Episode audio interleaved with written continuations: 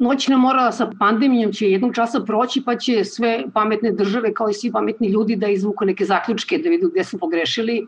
Kada govorimo o državama, mislim pre svega na ulaganje e, u zdravstvo, u javno zdravlje, u nauku, u medicinsku nauku i tako dalje.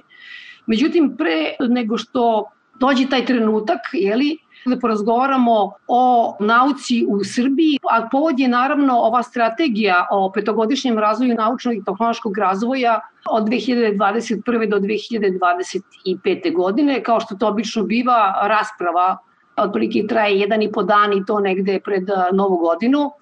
Masa kojo, kojoj vi pripadate, Biljana i vi Vladane, je imala primetbe na sam tekst strategije, ali pre nego što o tome porazgovaramo, Kako biste nam opisali koliko ova država vodi računa o nauci, odnosno koliko ulaže o nju? Znači, najpre šta se uradilo kako da kažemo, u onom prethodnom periodu, unazak deseta godina, ono što su u predlogu strategije istakli, to je da se motivanje Fonda za inovacijnu delatnost i Fonda za nauku 2018. To se smatruju kao da su veliki kao iskoraci, a drugo su osnivanje dva naučna centra, e, instituta u stvari, jedan u Kragujevcu, drugi u Novom Sadu smatraju u tom predlogu strategije da su između ostalih postignuta tri ključna uspeha, znači uspostavljanje institucionalnog finansiranja, Šta to znači? Mi smo od 2011. do 2019. u stvari imali projektno finansiranje. Taj projektni period je trajao od 2011. do 15. godine, međutim nije raspisan ni jedan novi projektni period, i jednostavno se produžavala sredstva koja su znači, trebala da se završe 2015. godine. Znači, oni kažu imamo sada umesto tog projektnog, imamo institucionalno finansiranje i u tom institucionalnom finansiranju e, istekli su njegove prednosti, a to je, kaže se, očekuje se uvođenje prirodnog ustrojstva.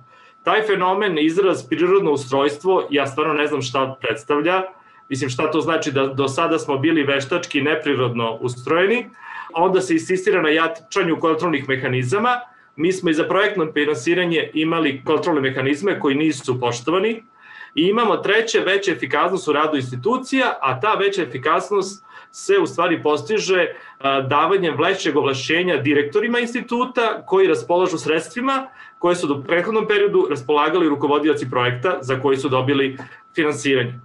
Ali iz ugla istraživača mi imamo taj fenomen da smo mi 2015. imali projekat koji smo trebali da dobijemo odgovarajuću opremu, kao kapitalnu opremu, tu opremu većina nas nije ni dobila, iako smo dobili odobrenje.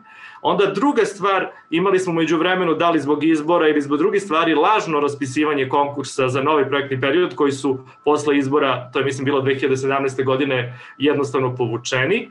I onda u tom prolongiranju došli smo do 2019. gde smo imali manja sredstva, ne znam, da 800, 900, u poslednje 2019. je bilo i do milion dinara, na primjer, za jednu grupu od 8 do 10 naučnika. Sada finansiranje ne ide više po grupama koje je dobio projekat, nego ceo institut dobije novac, faktički sada tim novcem ne raspolažu rukovodioci projekta, nego direktori ustanova. I sad vi zamislite na jednom prirodnim naukama, da je, na primjer, osam naučnika istraživača radi i dobija godišnje 630.000 dinara šta vi možete da uradite u nauci sa 630.000 dinara, gde, na primjer, jedno antitelo koje vam treba i, na primjer, za eksperimente košta 50.000 dinara. Ali kroz Fond za razvoj nauke, znači, pokušava se sa novim projektima koji su raspisani u protekli godinu, dve, da se uloži u nauku i na taj način raspisano su u proteklih godinu dve, raspisano su četiri projekta, znači sve u svemu ta četiri projekta negde imaju ukupnu sumu izdvojenu za nauku negde oko 38 miliona evra i pokrivaju 230 projekata. Tih 230 projekata pokrivaju oko 2100 naučnika u Srbiji, istraživača, što od dva, dva, negde procenjene 12.000 istraživača u Srbiji čini 18% istraživača. Znači šta sa onih ostatkom od znači 80% koji nisu dobili, kako da kažem, sredstva za istraživanje, nego govorimo samo o tome da raspolažu sa tim minimalnim institucionalnim finansiranjem, gde vi na kraju više nemate kompeticiju, znači mi ne možemo prirodnim naukama da se bavimo ako nemamo sredstva. Znači 90.000 dinara to ispada do 100.000 dinara godišnje na jednog istraživača. Šta vi možete sa 100.000 dinara da se bavite naukom? Šta biste na vi izdvojili kao problematično u toj strategiji koju su oni predložili? Mnoge stvari koje su predložene načelno u ovom predlogu strategije su u redu. Glavni problemi su kad krenete u detalj, da, da, da, da analizirate detalje ovih ciljeva i konkretnih mera. Jedna od stvari je to kako se obezbeđuju ti neophodni uslovi za razvoj i to je ovo čemu je bilo reči, dakle to finansiranje, zatim povećanje broja istraživača, dakle realne su mere i budžet koji bi trebalo to da prati. Dakle, mi smo već čuli da prilike se procenjuju da ima 12.000 istraživača. U Srbiji ovde, i to je daleko ispod evropskog proseka, i onda se projektuje u ovoj strategiji, na primjer, da se dođe do cifre 20.000 istraživača, što znači da biste vi morali zapravo da uključite 1600 istraživača godišnje, A kad onda dođete do akcijnog plana, e, tamo zapravo piše dakle, da je nekakav akcijni plan je za prve tri godine, dakle prilike nekih hiljadu istraživača više godišnje, dakle što je već manje od ovoga što je projektovano, a onda i kad pogledate realnost kako se to zamišlja, kroz na primjer program uključivanja mladih istraživača, to zvuči kao nemoguća cifra, jer recimo ove godine bio je konkurs samo za 100 mladih istraživača, a dakle po, već po ovom akcijnom planu bi trebalo da i bude 750. Dakle, nekako kao da ni oni sami ne veruju u one projekcije brojke koje su stavili, jer ono istom dokumentu ili, ili ne znam, prosto ne očekuju da neko to ozbiljno čita. Ja bih posebno istakla, dakle, ono što mislim, izazvalo i najviše pažnje, jeste to takozvano fokusiranje istraživanja na društvene izazove i prioritete.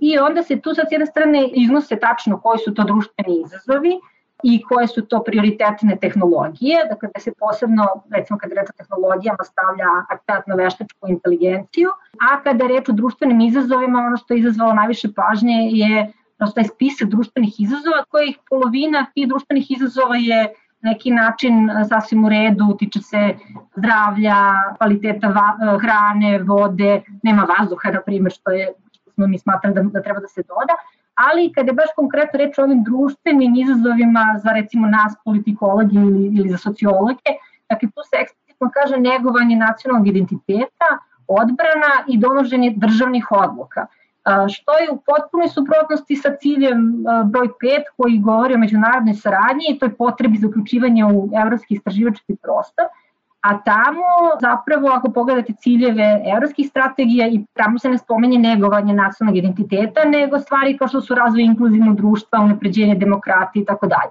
U ovoj strategiji o tome nema reči i vrlo je čudna ta neusaglašenost između s jedne strane zahteva za uključenjem u evropski prostor, što je dobro i što je zapravo opšte cilj ove strategije, a onda kasnije e, negiranje nekih evropskih e, ciljeva, i svođenje nauke na neki način na parohijalni domen, samo negovanje nacionalnog identiteta.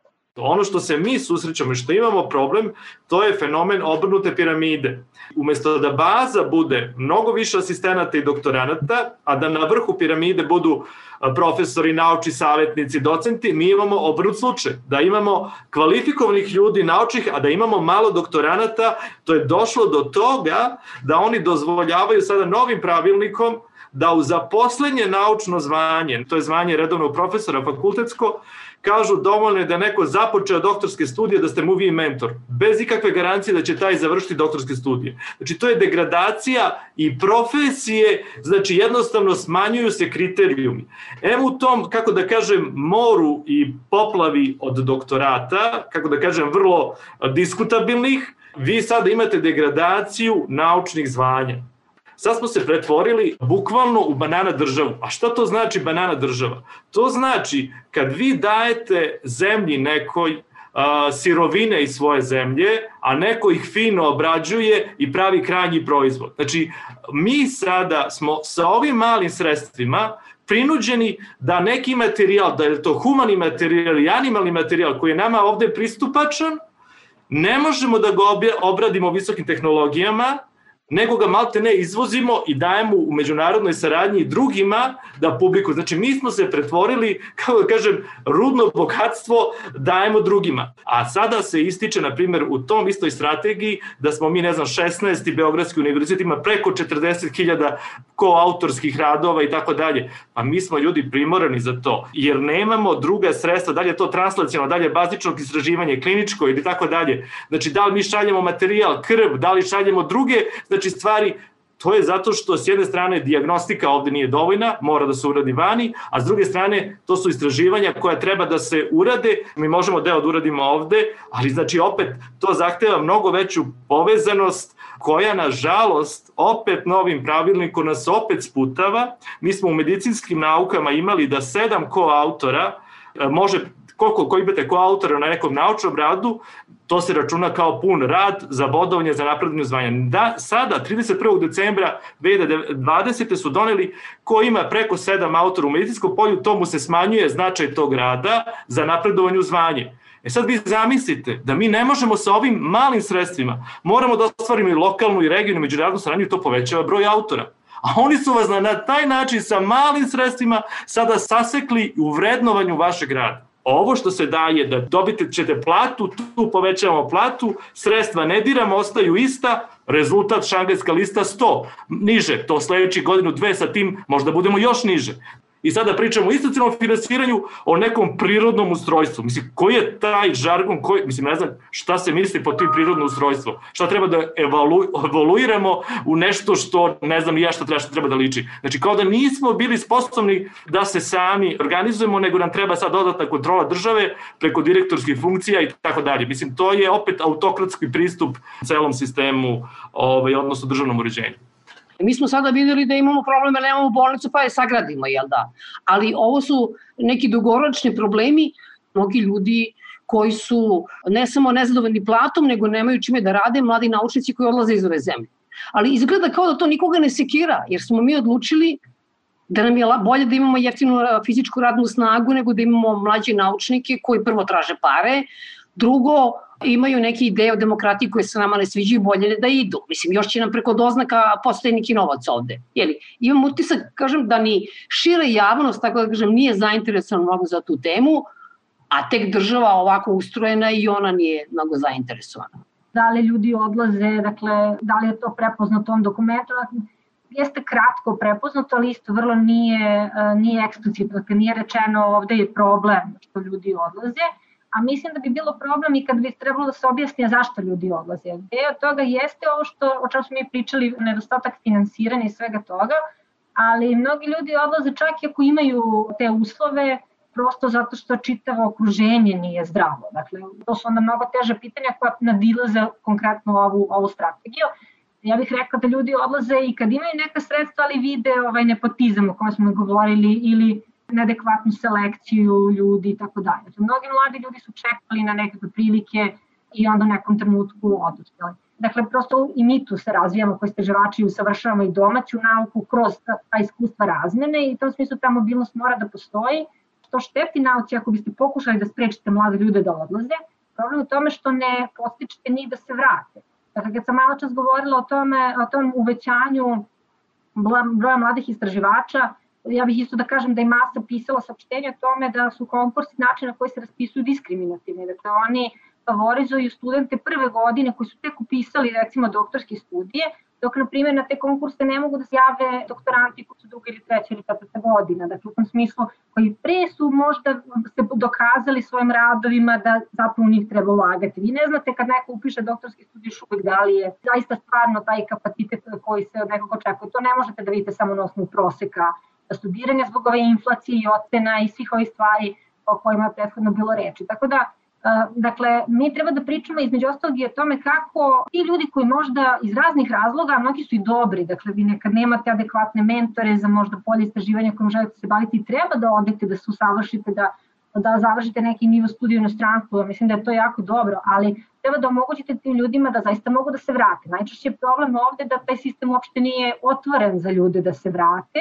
i onda vi sada na brzinu pokušavate da postignete evropski prosek broja istraživača, tako što ćete na brzinu da primite mnogo ljudi za koje niste obezbedili uslove kako da ih sistem absorbuje i da im daje zaista mogućnosti da se razviju, ne da samo primaju platu. Mislim da je jako važno o tome govoriti jer bi to isto moglo da šteti nama kao naučnicima, da obični građani pomisle, eto, zbrinuli smo neki ljudi, oni primaju platu, ne rade možda ništa, ne doprinose ovom društvu, veštački smo možda povećali taj prosek istraživača, a zapravo niko od nas to ne želi. Dakle, ja mislim da u tom smislu možda i bolje sporije povećavati taj broj, ali zaista stvarati ljudima uslove da mogu u realnim okolnostima da urade najviše što mogu. Znači, ovde se, kako da kažem, ne vrednuje znanje, već neznanje. Znači, to je jedno, kako da kažem, omalovažavanje kroz akreditacije raznih ustanova, kroz vrednovanje, kroz zapošljavanje, da li je to partijsko, bratijsko ili koje već,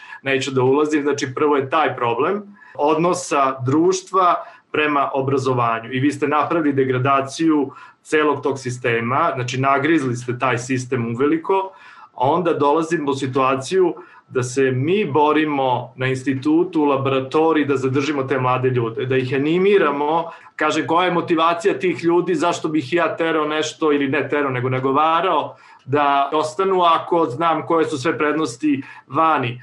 Pa, znači da pokušamo da nađemo i na ovom prostoru polje rada, da to ne bude samo u lokalu na jednom, znači da ne gledamo klaustrofobično da se u ta četiri zida, nego da gledamo kako da kažem, mnogo šire od toga na veću saradnju i na međunarodnu i tako dalje, da tu nađemo prostora za naš naučno-istraživački rad. Problem je isto države što ne prepoznajem se mi sama strategija su mnoge stvari prepisane iz horizonta, iz evropskih projekata, pominju se neke to su floskule, pominju se, kako da kažem, pojedinom delu strategije mi liči na čisto uh, maltene politički pamflet, raz BDP-a iznad evropskog proseka. Mislim, ostaje misliti kad se tako u strategiji te floskule koriste, koje su političke prirode, da samo nabacate, ne znam, zdravlje, ishrana, klima, vre, ali nemate nikakvo suštinsko obrazloženje šta će se po tom pitanju ovaj, uraditi. Pričate o državnom uređenju, a ne pričate o demokratizaciji društva, o, ne znam, rodnoj ravnopravnosti, na diskriminaciji ili tako dalje. Znači nema ulaska u suštinu problema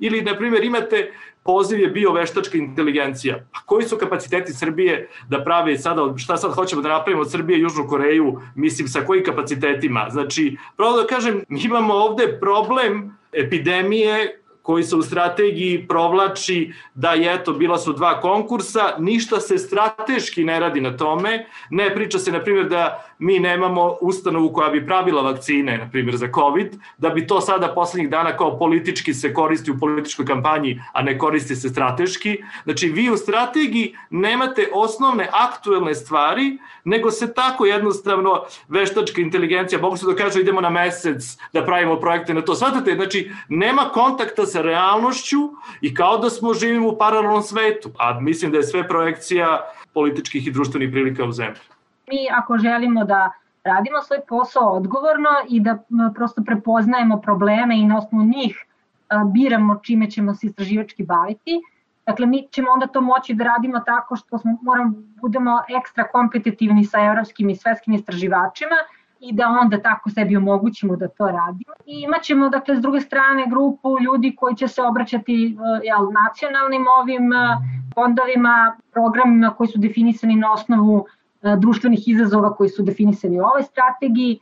Dakle, već sad ove godine je pandemija morala biti tu, a nije predviđena. Dakle, na neki način je, imamo mogućnost to paralelnog društva gde neko zapravo onda više ne komunicira sa svojom zemljom nego sa, sa drugim e, drugim programima podrške istraživanju, dakle više sa svetskom naukom i onda samim tim i više postite da ode odavde, o čemu smo malo čas pričali. Nasuprot, dakle, onda nekim drugim ljudima koji bi, čini mi se, odustali od kosmopolitskog duha nauke, kakva nam mora da bude, dakle, saradnja, saradnja upoređivanje i tako dalje.